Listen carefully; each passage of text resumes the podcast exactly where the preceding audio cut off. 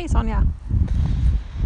Ehm, jag sitter här under en björk och eh, snorar lite. lite pollen och så. Um, jag tänkte jag skulle vilja prata om naturen. Uh, det är ju också väldigt brett som många andra. Men jag tänker på... Eh, jag vet inte. Jag tänker att vi kan börja med att jag frågar dig om, om du har haft... Säg, säg en naturupplevelse du har haft. Hej Julia! Eh, vad bra ämne det här med natur. Eh, jag kommer att tänka på, nu frågar ju du mig om en naturupplevelse men eh, eh jag tänkte att jag ville prata om så här, min relation till eh, natur eh, och eh, min relation till ett speciellt träd. Ehm, där jag bor finns det ett eh, eklandskap och där finns det en ek eh, som kanske hörs på annat men det finns, alltså det finns många ekar. Men just en ek eh, tycker jag väldigt mycket om. Den är liksom den är så himla bra att sitta vid och luta sig mot. Så jag känner liksom att jag har typ en relation till den här eken. Jag vet inte vad den tycker om mig och att jag sitter vid den ibland. Men eh, eh, det är väldigt mysigt att sitta under den och bara så här få vara lite vara lite själv eller tillsammans eller ja, om man kan vara tillsammans med ett träd.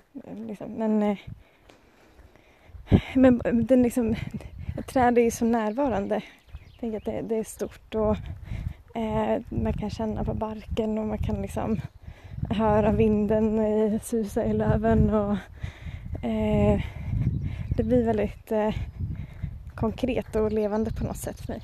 Eh, så det är min relation till ett träd.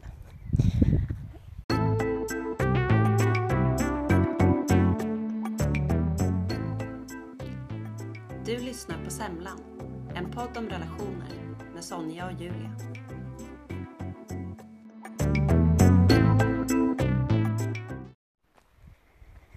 Eh, men annars när jag tänker på en naturupplevelse eh, så tror jag att jag på något sätt lätt drar mig till minnes när väldigt, väldigt vackra naturupplevelser. Typ när jag var på Island eller eh, när jag var på Färön. Alltså du vet sådana resor.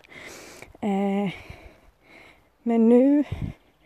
Eh, och, och jag, jag, tror att jag liksom tänker mycket på sådana upplevelser just nu den här våren när man liksom inte får åka någonstans. Och då är det som att det har blivit en lucka för mig att faktiskt eh, dra mig till minnes och eh, liksom återuppleva saker i minnet.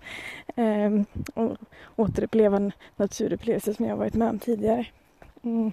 Men, eh, men det jag tänker är att egentligen sånt som jag också minns är liksom naturupplevelser i vardagen.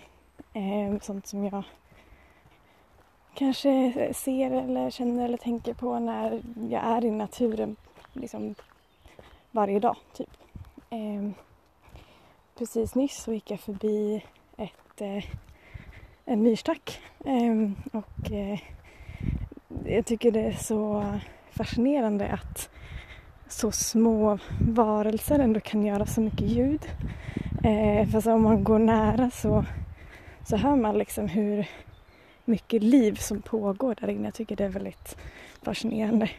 Eh, och eh, fåglarna och alla fåglar som sjunger nu, det är helt otroligt. Jag har blivit lite besatt av fågelläten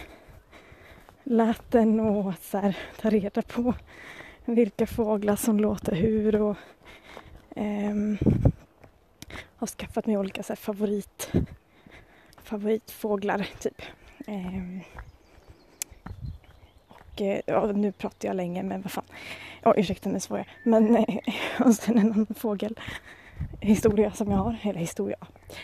En annan fågelupplevelse är häromdagen när det flög in en duva i mitt fönster och jag blev jätte, jätterädd för att jag stod precis vid fönstret. Eh, så att det blev liksom världens duns eh, precis i liksom ansiktshöjd för mig. Eh, så det var, det var en upplevelse. Och anledningen till att jag stod i fönstret var för att jag tittade på när två skator jagade en ekorre. Eh, så det är många, många upplevelser med djur inblandade eh, den senaste tiden. Eh, vad har du för naturupplevelser och vad, vad tänker du på när jag berättar om mina? Oj! Hur gick det för duvan då? Tänker jag. Kanske bra då. Antar jag. Eftersom du inte sa något mer om det kanske. Mm. Jag tänker, jag gillar det. När du sa det om ekarna. För jag, jag gillar också träd väldigt mycket. Det är som... Alltså... Ja. Och också det med vardagsgrejen. Jag, jag, det är som en... Så fort det är bara att gå, ut, gå, gå utanför dörren eller öppna fönstret så är ju naturen där på något sätt hela tiden. Och just att, att när det blåser, jag kan, jag kan gilla när det blåser för det är lite som, som att eh, eh ja, vad ska man säga, bli omfamnad kanske av naturen. Och jag har också tänkt på en annan grej med naturen att det är på något sätt eh, att man den är, den är, det är så tydligt att den förändras hela tiden. I alla fall just där vi bor eller vad man ska säga. Och det är fascinerande att det ja, att det går att förhålla sig till förändring ju. Att det är som en relation där man kan förhålla sig till förändring som något eh, man kan både fira och sörja de olika årstiderna och upplevelserna och det är ändå som att det Ja. Tänker ofta på det i relation till människor också. Och också det blir som att man är så himla Ja, man kan vara mycket mer närvarande i livet. Har jag tänkt på också. Just nu sitter jag på samma plats när jag skickade det förra, första meddelandet om, eh, om natur till dig så eh, men det var ett tag sedan ju. Och nu jag har, det är som en liten intryckt skogsdunge här mellan så här olika parkeringsplatser. Som en liten oas här. Och det gräset som var då när jag spelade in det första meddelandet, då var det kanske fem centimeter högt. Nu är det en och en halv centimeter, äh, meter menar jag. eh, och det är ju himla fascinerande att det bara kan förändras så fort och att jag kan uppskatta båda delarna.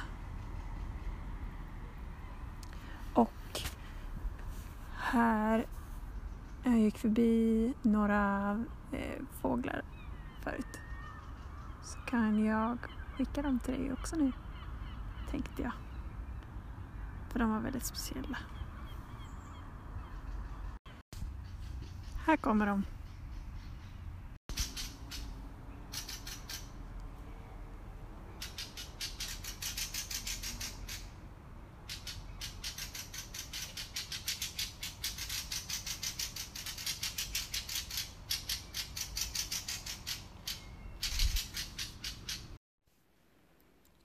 Hej Julia.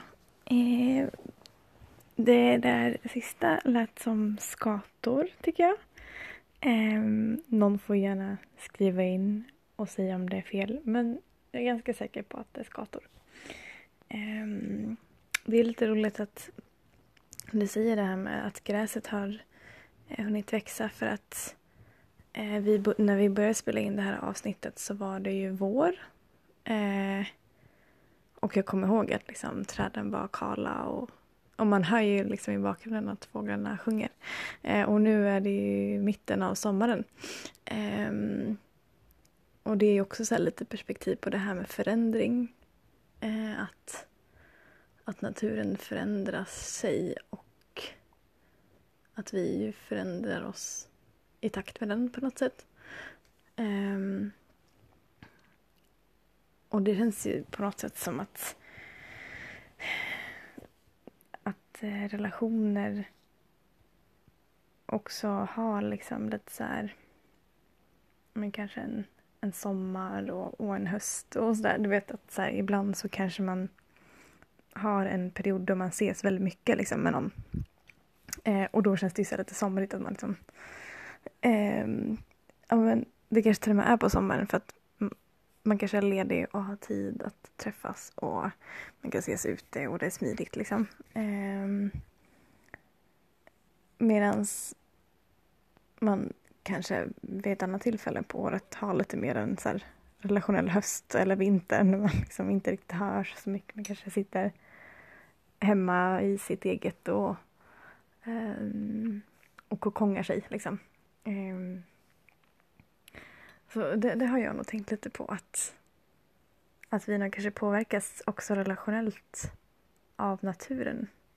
Just för att liksom vädret skapar förutsättningar för hur man kan umgås och, och speciellt nu i och med corona och allting när man kanske har blivit lite mer beroende av att kunna ses utomhus så har det kanske varit lite tradigt att ses utomhus här när det är jättekallt och ruggigt liksom. lite tråkigt att ha en picknick då, typ. Mm, på tal om människans relation till naturen eh, så finns det också eh, en dokumentär typ eh, på SVT som eh, heter Den inre skogen som jag verkligen vill tipsa om för jag tycker att den är så himla bra. Eh, och där är det olika alltså personer som skapar på olika sätt. Så det är eh, ljudkonstnär och författare eh, konstnär alltså, som jobbar i bild och eh, en konstnär som jobbar med broderi. Ja, liksom lite olika medium, eller man ska säga. Och eh, ehm, då är det en där som pratar om eh, människans relation relation till skogen eh, och att eh, om, om människan kunde se att det faktiskt är en relation, alltså att eh, människan och skogen har liksom en relation så skulle man kanske inte behandla den på det sättet som man faktiskt behandlar den idag. Eh, och jag tyckte att det är en så himla tänkvärd grej. Liksom. Att, att mänskligheten bara eh, utnyttjar och utnyttjar och hade man sett på mm, skogen och människans relation just som en ömsesidig relation så hade man ju tänkt att människan var liksom en narcissist och som bara eh, vill få ut största möjliga eh, vinst ur en annan. Liksom. Och det är ju ganska sjukt egentligen. Eh, och att det kanske inte är så konstigt heller att eh, många inte har en relation till natur eller till skog. Eh, för att man bor i en miljö där, eh, där naturen eller, eller skogen eller så liksom inte gör sig påmind. Eh, det är så här, visst man kan man kan bo i stan och ibland kanske det flyger, flyger in en fluga eller eh, man kanske har någon, någon rumsväxt men annars men att man kanske inte ens tänker på det som natur riktigt. Eh, fast det ju är natur. Men liksom att det, vi tar så mycket för givet och vi tänker att, att vi som civilisation kan eh, att vi står över allting liksom. Eh, och så blir vi så här chockade när eh, det inte regnar eh, på jättemånga månader eller eh, när det är så stormar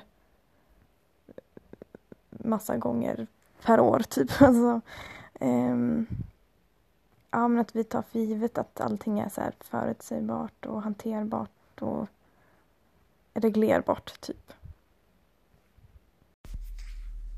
Ja, precis. Allt är ju ett enda stort ekosystem egentligen. Nu ska jag kolla på den inre skogen. Tack! Hejdå!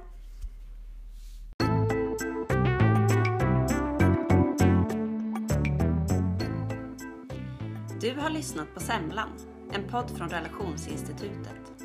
Skicka gärna in frågor, förslag och önskemål på teman till semlan relationsinstitutet.org eller direkt i appen Anchor.